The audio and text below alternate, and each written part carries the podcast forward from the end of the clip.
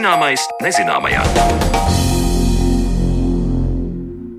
Esiet sveicināti raidījumā Zināmais nezināmajā. Ar jums kopā turpmāko stundu būšu es Sandra Kropa. Olimpiskajām spēlēm noslēdzoties šodien raidījumā pievērsīsimies sporta apģērba vēsturei.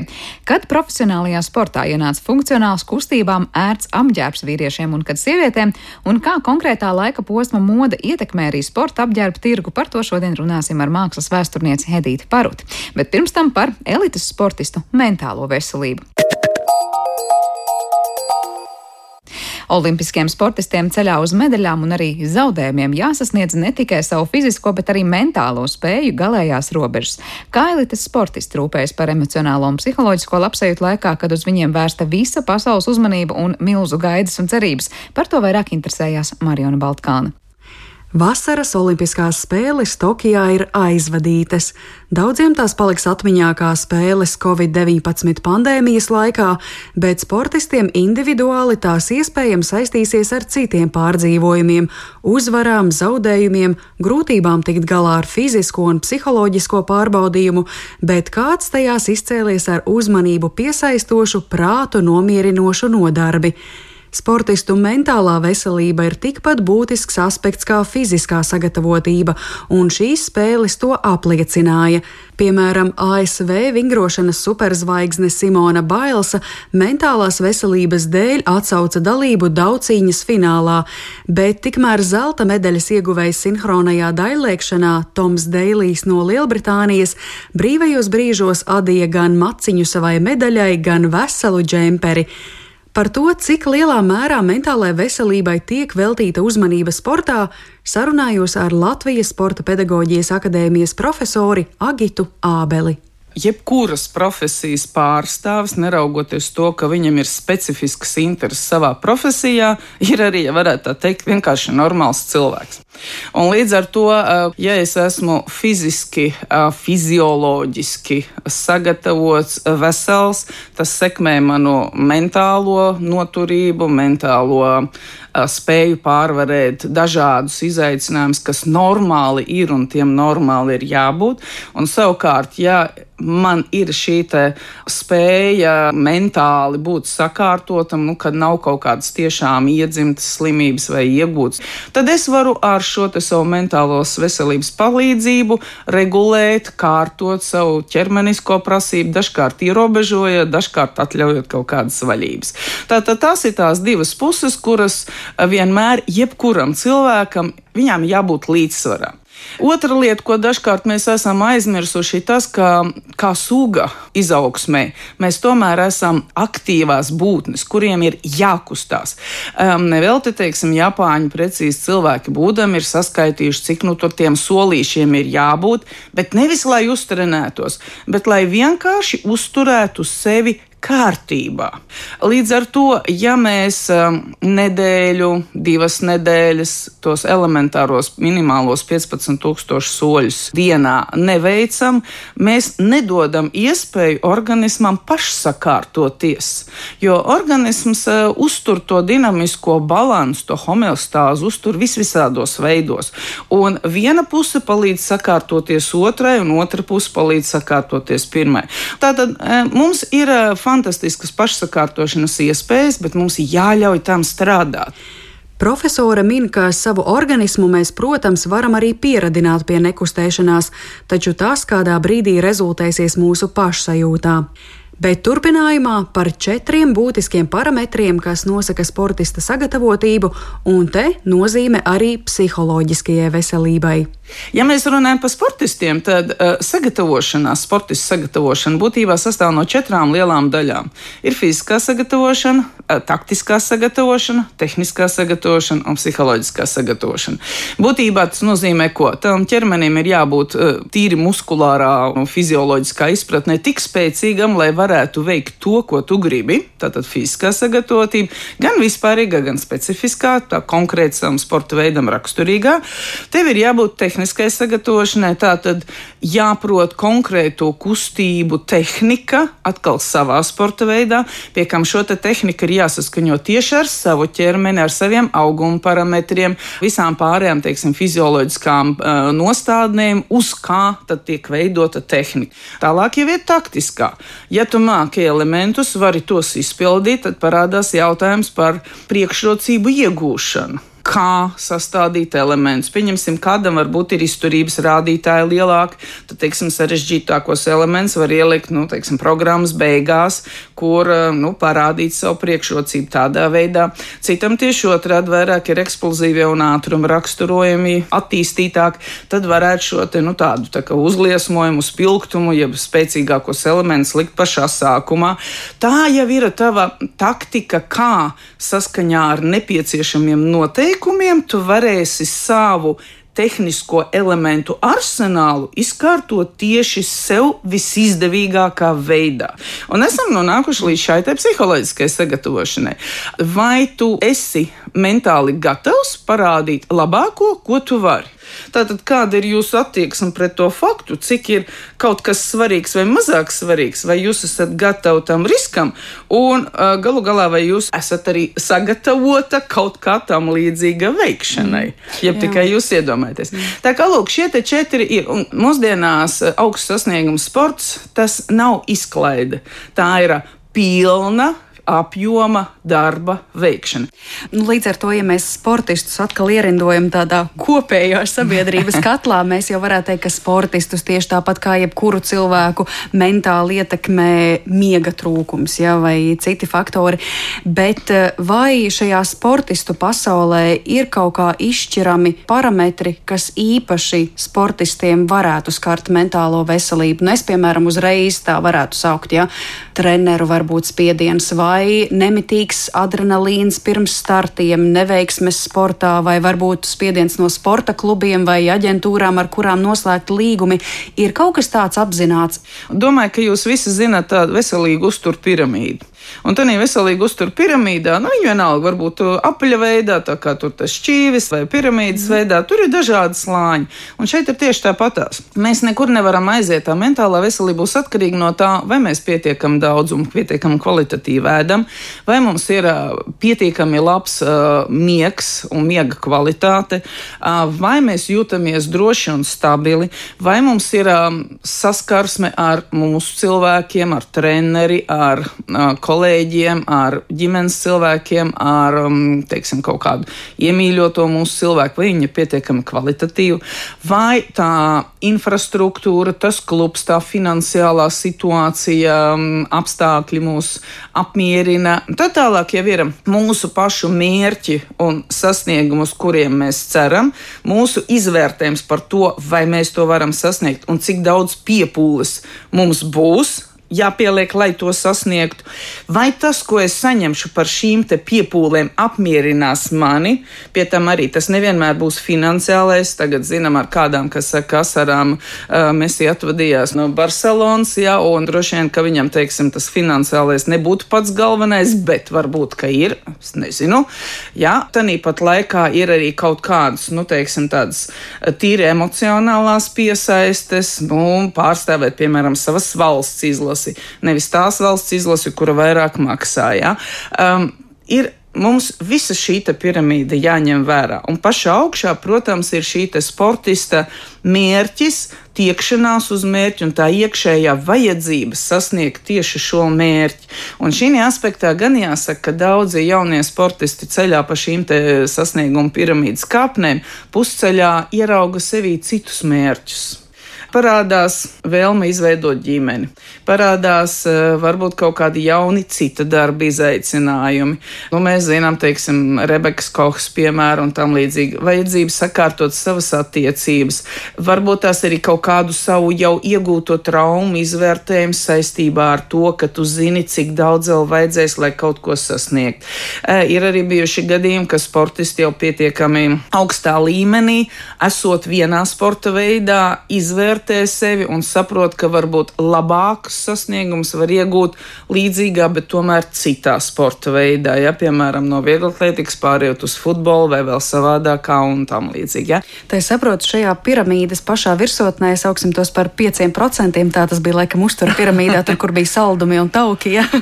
Šajos 5% tad uh, tur tad ir tā sportista īstā cīņa ar sevi vai ne, uz ko es eju, vai man vajag psihologa palīdzību, kā es tieku galā ar stresu pirms startiem, kā es to sagramoju. Protams, tur ir tā mūsu pašapziņa, tur ir mūsu spējas un vēlmes uh, pilnveidoties, jo tas ir darbs. Tas nav tā uzreiz, bet tas tiešām ir darbs. Ja tu to gribi, ja tu jūties pietiekami motivēts, ja tu saproti, priekš kam tev to vajag darīt, un esi gatavs strādāt, tad viss notiek. Šī gadījumā jebkurš no speciālistiem, kas tiek pieaicināts, ir kā man konsultants, bet lēmums man jāpieņem pašam, tā pilnā iesaiste arī ir jāpieņem pašam un arī jārealizē pašam. Šo, diemžēl, bet no olimpisko medaļu nopirkt ar citu nevar. Te ir kaut kas jādara mm. pašam, viennozīmīgi. Pa ceļam ir arī jāapgūst tie paņēmieni, kā sevi sakārtot. Bet atkal, ja man tas interesē, Sporta vēsturē ir arī gadījumi, kad psiholoģiskais spiediens sportistu novedis pie agresijas. Kā piemēru var minēt daļslidotāju Toņu Hārdingu. Agresija pret citu sportisti un skandāls tā rezultātā noveda pie Hārdingas mūža diskvalifikācijas. Psiholoģisko noturību sportistiem mēra ar testiem. Tie var būt stresa testi, uzmanības noturības testi un citi, taču testa rezultāts šodien nenozīmē, ka rītdien tas būs tāds pats.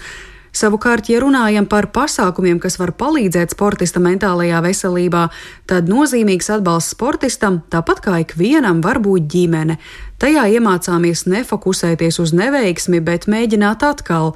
Agita Ābele tālāk nosauca virkni jau specifiskāku paņēmienu, kas katram sportistam derēs atšķirīgi spēka elpošana, relaksējoša elpošana, elpošana ar pašapstiprināšanas frāzēm, vizualizācija, idiomotorie vingrinājumi, autogēnais treniņš, psihoregulējošais treniņš, mērķi izvirzīšanas treniņš, pašmotivācijas treniņš, pašatbalsta frāzes, pirmstarta rutīnas izstrāde, darba dienas rutīnas izstrāde, realizēšana. Un es esmu nosaukusi vienu kaut kādu mazu tikai daļiņu no tā visa. Ja? Tāpat tās arī, teiksim, visas meditācijas un daudz, daudz kas cits. Bet ir jāsaprot, kas no tā visa palīdzēs man. Tas ir jāskatās, kas kuram. Un jā, uz saspringtiem muskuļiem var, nu, kā teiksim tā, eh, no treneru viedokļa es gribētu teikt, ka jāsasprindzinās nevis par 110 vai 100%, bet jāsasprindzinās par 95%.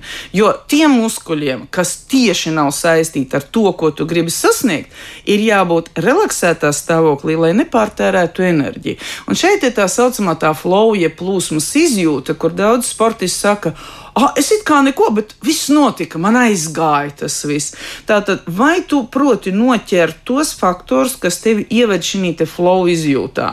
Un ļoti daudzi kombinē dažādas psiholoģisko prasmju momentus vienā pirmstarta rutīnā, kur gan ir kaut kādas pašapstiprinājuma frāzes, gan kaut kāda aktuālāko izjūtu atjaunošana, gan, teiksim, kaut kāda mērķa frāzes atgādināšana sev, un arī šī dziļā izvēle par šo te relaksu relaksāciju un tālāk jau nu, paļaušanās.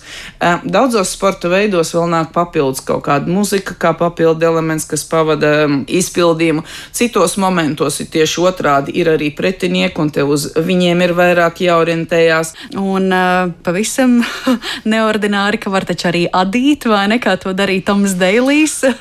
es nedomāju, ka tas ir neordinārs, Jā. tāpēc, ka mums ir pašiem ir kaut kādas lietas, un adīšana ir viena no tiem vienkāršākiem tambūriem korešana, adīšana, pērļošana un daudz kas cits izšūšana, ko cilvēki ņem līdzi. Jā, vienam patīk lasīt grāmatas, cits aizraujās ar um, muzikas vai vēl kāda cita, teiksim, noteikta stila klausīšanos, tas dod baudu. Uh, vienam vajag redzēt saulrietu, citam vajag redzēt saulēktu, jā. Bet, uh, protams, ir absolūti elementārās lietas, kuras es tiešām ne tikai iesaku, bet arī domāju, ka praktiski viss treneri arī dara.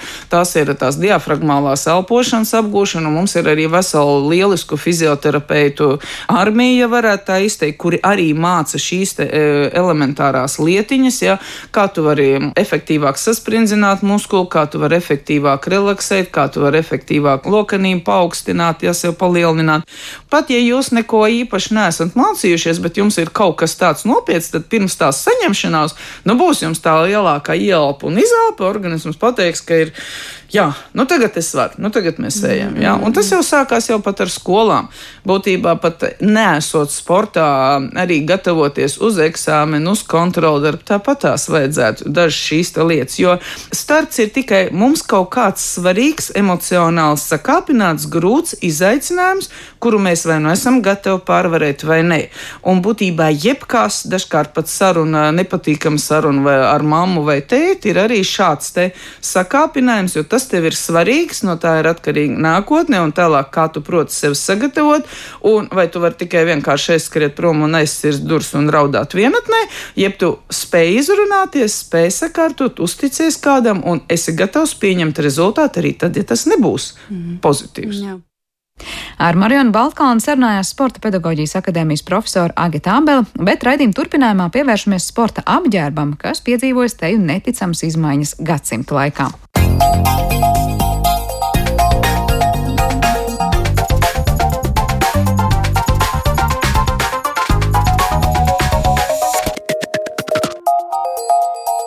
Zināmais nezināmajā. Jo ievērojamāki kļuva sportistu sasniegumi vēsturē, jo straujāk attīstījās viss, kas varētu aizvest šo sportistu līdz slavai. Pat tik šķietami vienkārša lieta kā sporta apģērbs.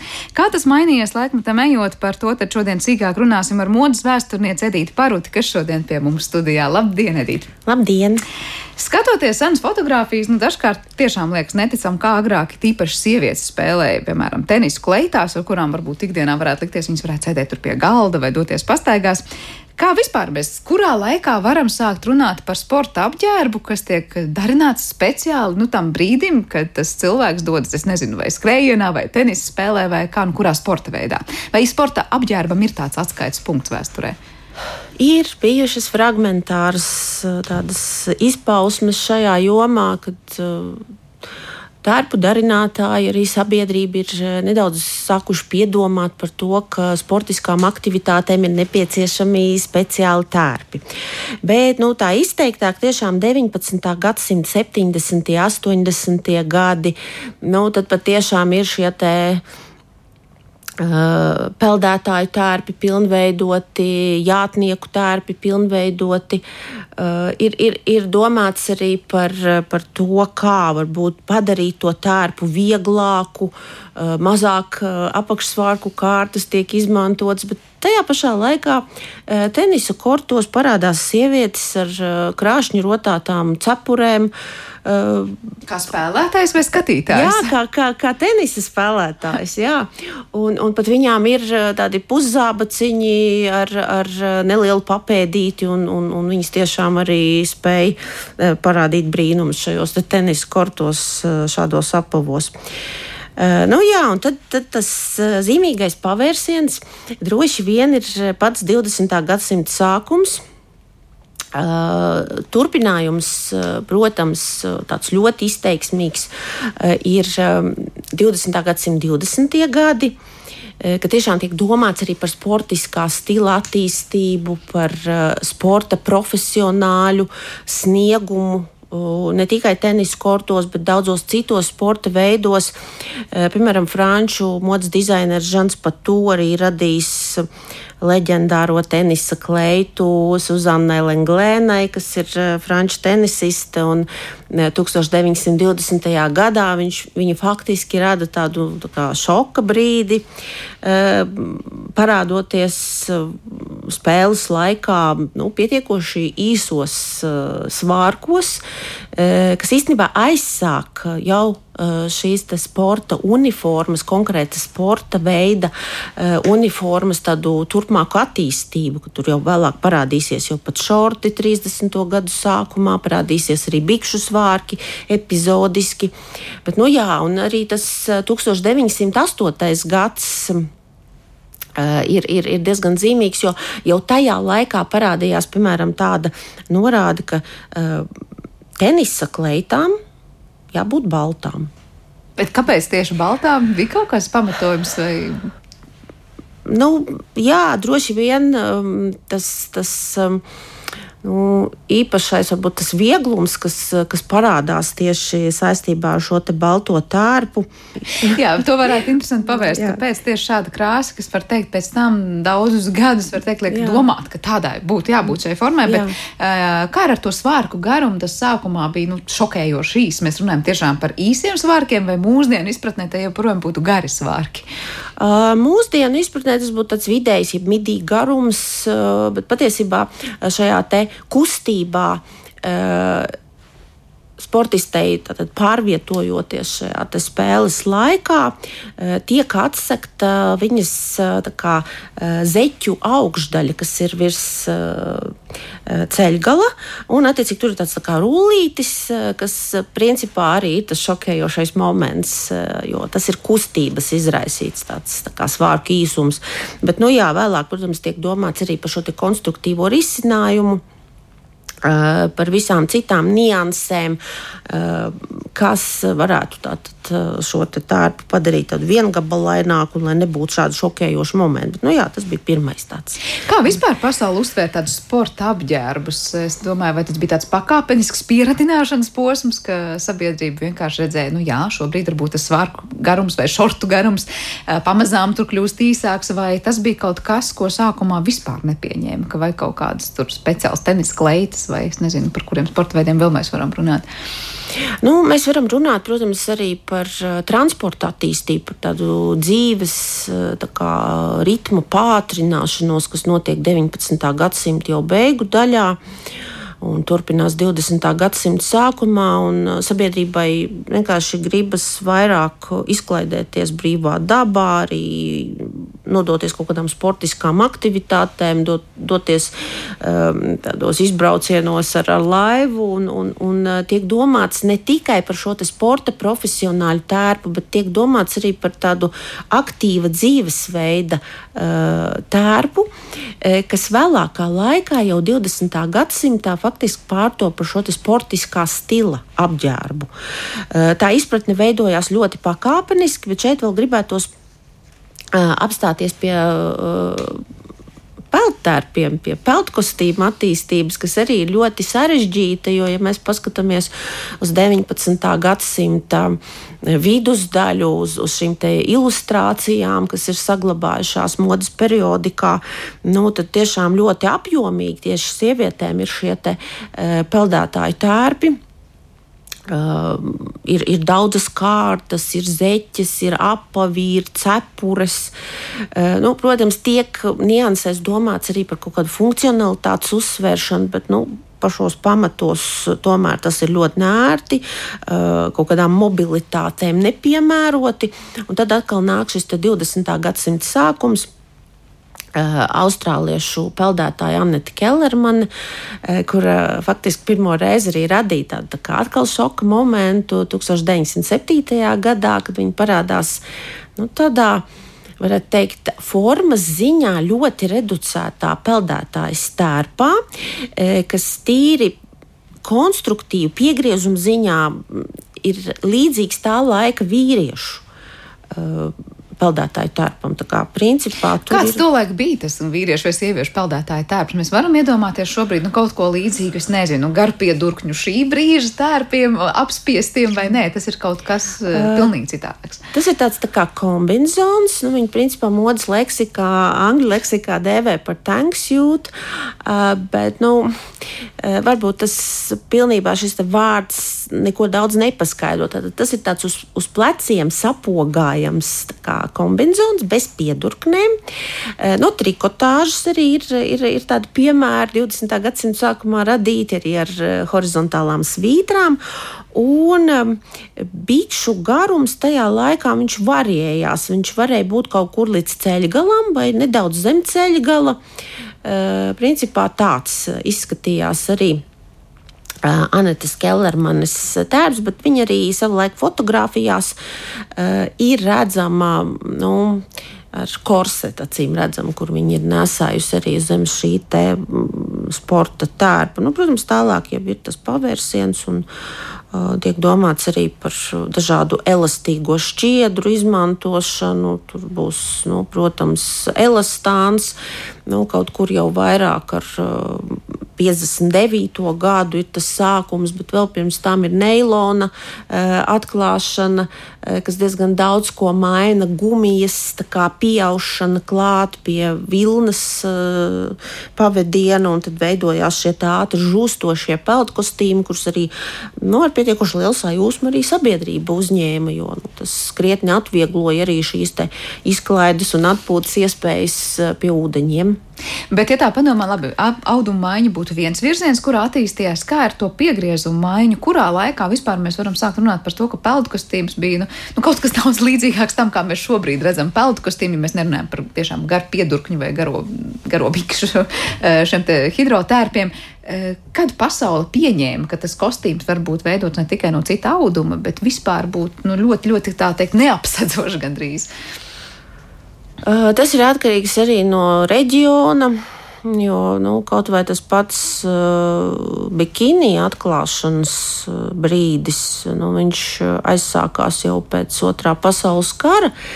Eiropā faktiski šāds peldkostīms tiek akceptēts, bet, piemēram, Ziemeļamerikā vēl jāpaiet nu, kādām dažām desmitgadēm, varbūt pat 70.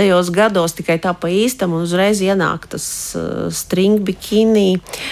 Um, Vēl ir tāds brīdis ar funkcionālismu, uh, šo attīstību, modes apģērbā vispār. Uh, tie būtu 20. gadsimta 20. gadi, kad faktiski jau tādam vīriešu cīkstoņa tērpam uh, līdzīgs ir arī peldtērps, un tāds pats griezums principā ienāk arī sieviešu tērpā. Un tad ir tādi tā īsi šortiņi, ir pat reizēm tādas virskleitas, kuras tiek valkātas. Ir tas pats cikstoņa krekliņš, tīri pēc analoģijas ar uh, mūsdienām, kas arī tiek ienests uh, sieviešu peltārpā. Nu, jā, bet tur ir arī tie divi virzieni, jo nu, ir dizaineri, kas domā par sporta profesionāļiem, un ir, protams, sabiedrība, kas vienkārši pārņem kaut kādu atsevišķu līniju un vēlas to ienest arī savā ikdienā, savā brīvdienu baudīšanā. Bet kā ir skatoties uz to sporta apģērbu vēsturi kopumā, mēs esam saka, nu, tā vienkāršā publika, kas nav profesionālie sportisti, vairāk aizņēmušies, aizņēmušies no profesionālo sportistu apģērbu industrijas tajā, kā kāds ir mūsu tas brīvā laika pavadīšanas apģērbs šobrīd. Mēs esam nokopējuši vai adaptējuši lielāko daļu no tā, kas sākumā piedzima profesionālo sporta vajadzībām. Uh, jā, mēs diezgan daudz ko esam pārņēmuši. Mēs esam pārņēmuši skriešanas apavus uh, ikdienas gaitās. Mēs esam pieņēmuši kaut kādu ļoti superelastīgu uh, apģērbu, kas varbūt no vienas puses var tikt kritizēts, un, un, un uh, varbūt ne visās situācijās šis sportiskais ieģērb, uh, ietērps uh, iedarās, bet ne, viņš tiek novērtēts tās ērtības, ergonomikas dēļ, jo viņš neierobežo kustības. Un, un tas tiek saistīts kaut ar kaut kādu legingu izmantošanu, ar kaut kādu ļoti super pieguļošu krekliņu izmantošanu ikdienas gaitās. Nu, jā, ir kaut kādi atsevišķi elementi, kas tiek eh, arī kombinēti ar kaut kādām klasiskā apģērba eh, detaļām, ar, ar, ar, ar šī apģērba sastāvdaļām, un tad veidojās tāds, tāds neparasts salikums. Tā kā, nu, jā, eh, arī sabiedrībai ļoti patīk iegādāties tādus apģērbus, kas varbūt sportistiem noder viņu uh, treniņos. Un, un, nu, jā, protams, arī šajās treniņu zālēs arī sabiedrība var izmantot tieši tādu pašu. Tur arī vesela industrija strādā, jā. tajās treniņu zālēs ne tie profesionālākie sportisti skaisti izskatītos. Uh, bet vēl runājot par uh, dažādiem sporta veidiem, nu, līdzīgi kā mēs runājam par to, kā mainījās tas apģērbs tur tenisa kortos vai peldbaseinos. Manuprāt, tā nāk viegla atletika. Tur ir ļoti daudz dažādas disciplīnas, kurās nu, tiešām domāt par tā apģērba funkcionalitāti. Kā mainījies vieglatlētikas sektorā tas, kā ģērbās šie sportisti varbūt, nu, nezinu, pirms vēl vairākām desmit gadiem vai simts gadiem?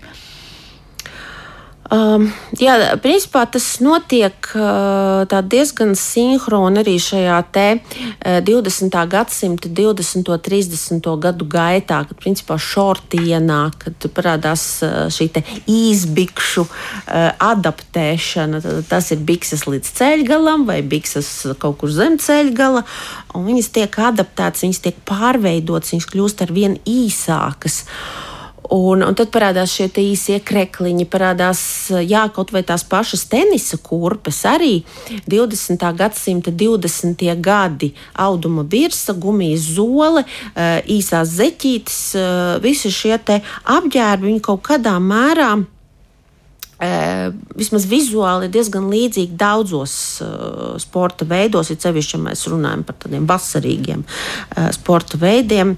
Viegla atlētikā tas ir īpaši izteikti. Uh, un tad tur ir kaut kādas nianses, kuras nu, varbūt atšķirās. Uh, bet nu, tā attīstība notiek diezgan konsekventi 20. un 30. gadu gaitā. Tad var teikt, tas ir tas posms, kurā vislielākās nu, pārmaiņas vai lēcieni, tā var teikt, piedzīvo sporta apģērba industrija savā vēstures gaitā. Nu, jā, kaut kur pirmais, pirmais tāds solis uz priekšu ir šis 19. gadsimta beigu posms riteņbraucēju aktivitātēm. Pareizi, kaut vai tas jau arī ir, ir diezgan revolūcija, vai ne? Jā, jā kad, kad sievietēm parādās šie dalītie svārki, ja bikšu svārki, kas arī rada nu, tādu mm, šoka momentu, jo principā šīm te biksēm, kas būtu ērtākas tieši sievietēm riteņbraucējām, tas arī nosacīt, cik nu, tur ērtāks, bet tomēr jābūt šiem te, šīm te biksēm ārkārtīgi līdzīgām, vai principā nevar viņas atšķirt no svārkiem. Uh, lai nu, pieradinātu pie domas, jā, ka tas, tas tam tā vajadzētu būt. Bet ir tā sauktais blūmeru kostīms, uh, kuru jau uh, modes reformu pioniere, amerikāniete Amelija Blūmere, savulaik izgudroja 19. gadsimta 50. gados. Tas ir ļoti kuplas bikses. Sievietēm arī tur īpaši tā ar augšdaļu tiek pielāgota. Bet, nu, jā, tas tajā laikā, kad pirmo reizi viņi šo tērpu pieteica, tas bija pilnīgi nepieņemami. Sabiedrība to noraidīja gan Ziemeļamerikā, gan Eiropā. Paiet kaut kādi 50 gadi, Un sievietes atkal atgriežas pie šī blūmera kostīma, kaut kāda varbūt labi aizmirsta kostīma, kurš savulaik tika noraidīts. Viņi sāk izmantot šo tērpu uh, vienkārši riteņbraukšanai pilsētas ielās, un, un arī tādi jau sabiedrības pārstāvji atskatījās uz šādām drosmīgām riteņbraucējām, Amazonēm, kuras nu, atļāvās kaut ko tādu. Tā var teikt, pusgadsimta par ātru piedzima šī ideja sākotnēji, bet sākotnēji, kāpēc tas kostīms vispār tapa, tā bija arī doma, nu, es nezinu, ja ne gluži ar riteņbraukšanu, tad kāpēc tas būmēr kostīms bija? Uh, jā, nu tā doma bija atbrīvot sievietes no korsešu žņaugiem, atbrīvot sievietes no Amelijas Blūmeres prāt neglītajiem krinolīniem. Tur arī, protams, savas nērtības bija šos krinolīnus valkājot. Bet tā bija tāda ikdienas dzīves atvieglošana. Tas nebija kaut kāda brīvā laika pavadīšanas uh, ideja. Nu, jā, nu, bija tā doma kaut kur, ka varētu tas atvieglot to ikdienu tiešām. Un, un, un tās, tās kustības viņas vairāk parādās tieši ar šo transporta attīstību, ar komunikāciju attīstību, visi tie telefoni, vilcienu satiksme un, un, un ritenis galu galā. Nu, tas liek padomāt par to dzīves ritmu. Bet pirms tam uh, tādas varbūt īstas vajadzības nebija. Bija vienkārši doma par to, kā atvieglot to ikdienu. Ja par pašu to vēl sporta apģērbu, nu, var teikt, tas vairāk nekā nedaudz gadsimta garumā ilgais attīstības ceļš ir tāds ļoti, ļoti nu, dažādiem notikumiem bagāts un tiešām nu, līdz nepazīšanai sporta apģērbs 19. gadsimta beigās un 21. gadsimta sākumā, kāds tas ir bijis. Cik ļoti liela nozīme ir bijusi pasaules karam, nu, jāsaka, abiem pasaules kariem. Mēs sakām parasti par modi kopumā runājot. Nu, ļoti mainās tas, kāds bija apģērbs, kā īpaši sievietes ģērbās pēc kara, jo nebija gan līdzekļu, gan arī viss tas, tas, tēls bija ļoti, ļoti vīrišķīgs. Vai tas pats attiec arī uz sporta apģērbu pēckara periodā? Kaut kādas iezīmes ir saskatāmas. Uh, nu jā, tas, tas lēciens ir starpkaru posmā, kad tiešām sabiedrībai nācās padomāt par to, kā tā ikdiena ir mainījusies, tas jau arī sākās ar Pirmā pasaules kara um, uzliktajiem nosacījumiem, kad sieviešu tērpi kļūst pamazām īsāki, svārku garums reducējas, tērps kļūst pēc savu piegriezumu vienkāršāks, funkcionālāks, parādās kaut kādas lielas kabatas. Um, tad parādās šīs uniformas rūpnīcu strādniecēm, kuras aizstāja vīriešus šajās darba gaitās. Bet, nu jā, otrais pasaules karš um, izmainīja ļoti daudz ko. Tā tiekšanās pēc maskulinizācijas, sieviešu apģērbā kļuva acīm redzama.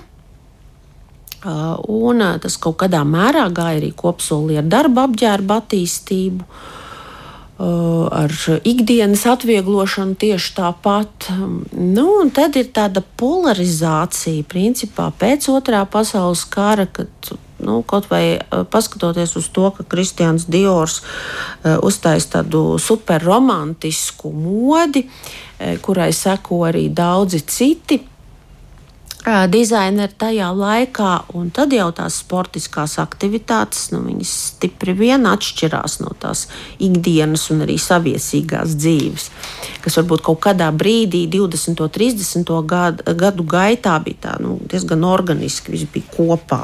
Tiksim, vispār mode tiecās pēc funkcionalitātes un sportiskajam stilam un arī sporta profesionāļu apģērbam, tur ir sava vieta. Bet tad uh, sākās šīs atšķirības, un tad sporta apģērbs iegūst savu tādu patstāvīgu attīstību. Nu.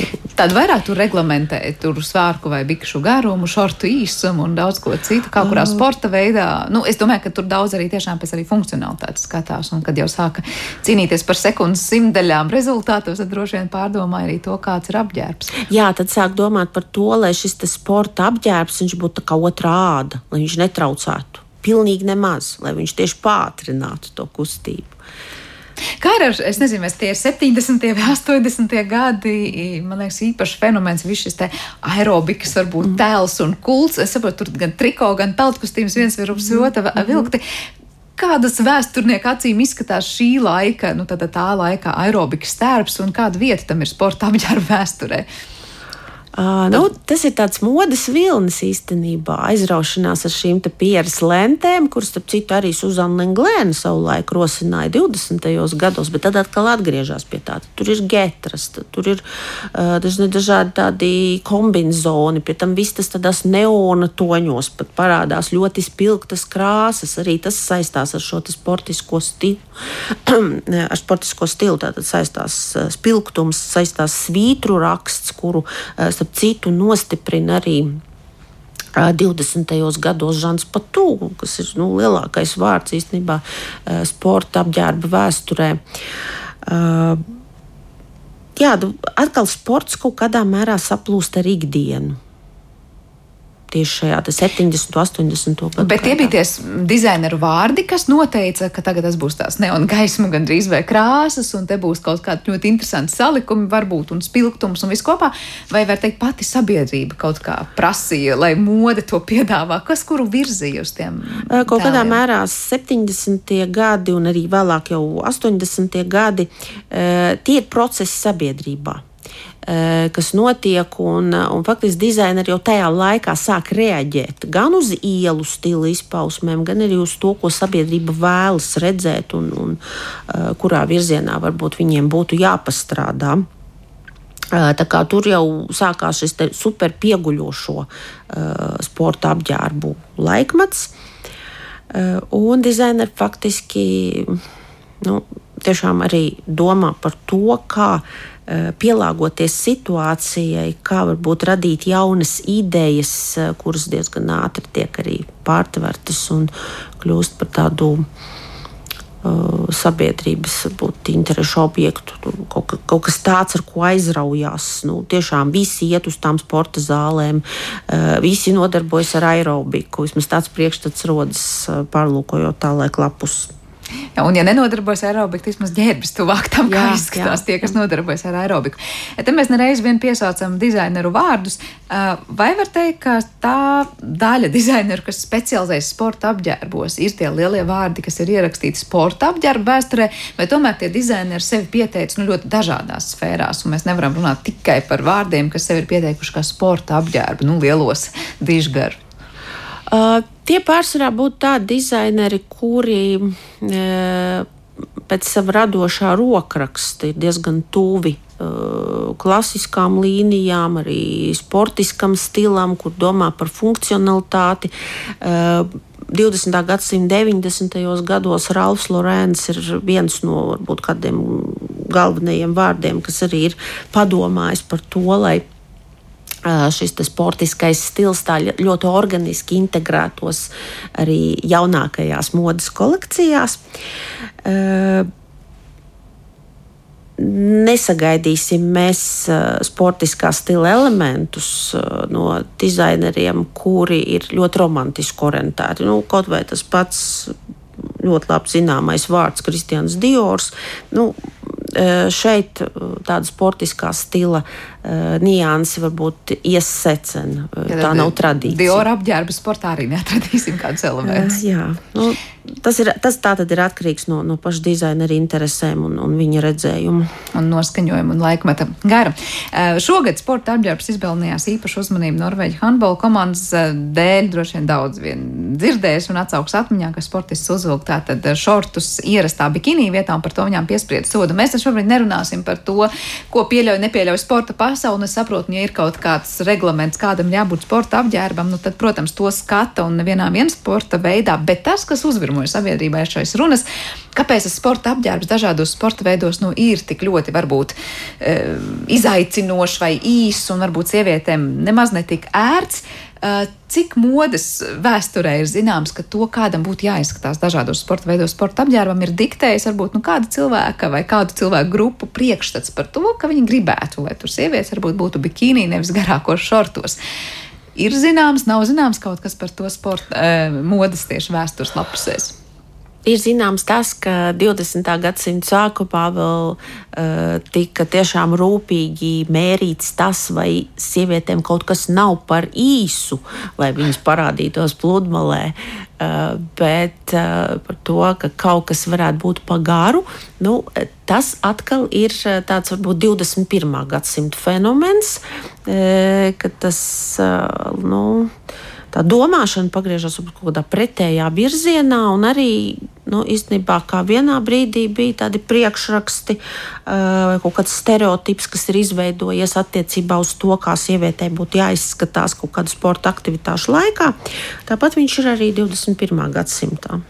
Eh, bet, ja mēs vispār atskatāmies uz sporta apģērba vēsturi, labi, viens ir tas, ko mēs pie, pieminējām, kā, nu, var teikt, 19. gadsimta beigas, kā tāds vai, vai tāds, nu, sākums tam, kā reāli attīstījās, mainījās un sev pieteica sporta apģērbs un industrijā par to, eh, vai mēs skatoties uz pavisam seniem laikiem, arī varam teikt, ka ir tāds atsevišķs sporta apģērbs, nu, es nezinu, vai senās Grieķijas laikos mēs varam teikt vīrieši, sievietes kurā brīdī vispār kā ģērbās, lai nodotos kaut kādām sportiskām aktivitātēm.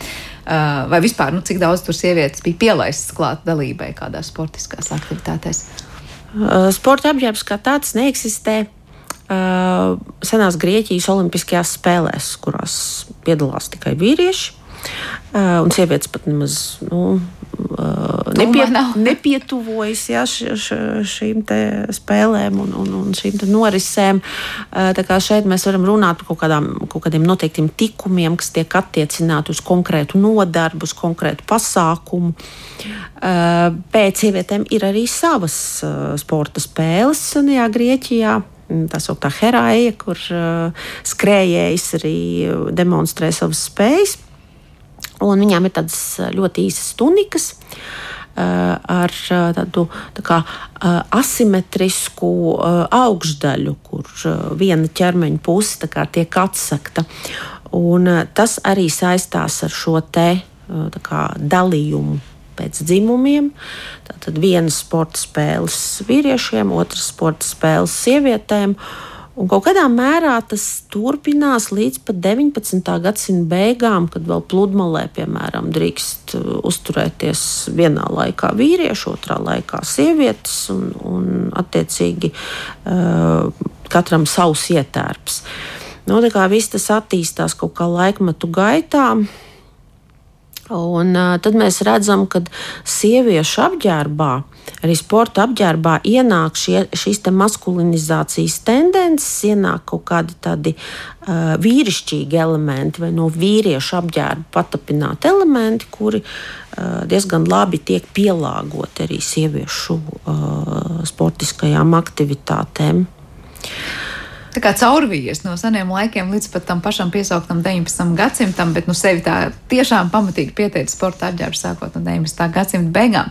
Eh, protams, caurvījas laikmetu domāšanu, attieksmi un, un, un daudz ko citu, par to pārliecinājāmies šajā redzījuma pusstundā. Lielas paldies par šo sarunu! Dzirdējām Edīti Parut, modas vēsturnieci. Eh, ar to arī šis redzījums ir izskanējis, un par to paldies producentei Paulai Gulbinskai. Pie skaņu pults bija Kristīna Dēla. Ar jums kopā bija Sandra Kropa, un mēs tiekamies jau pavisam drīz drīz. Visu labu!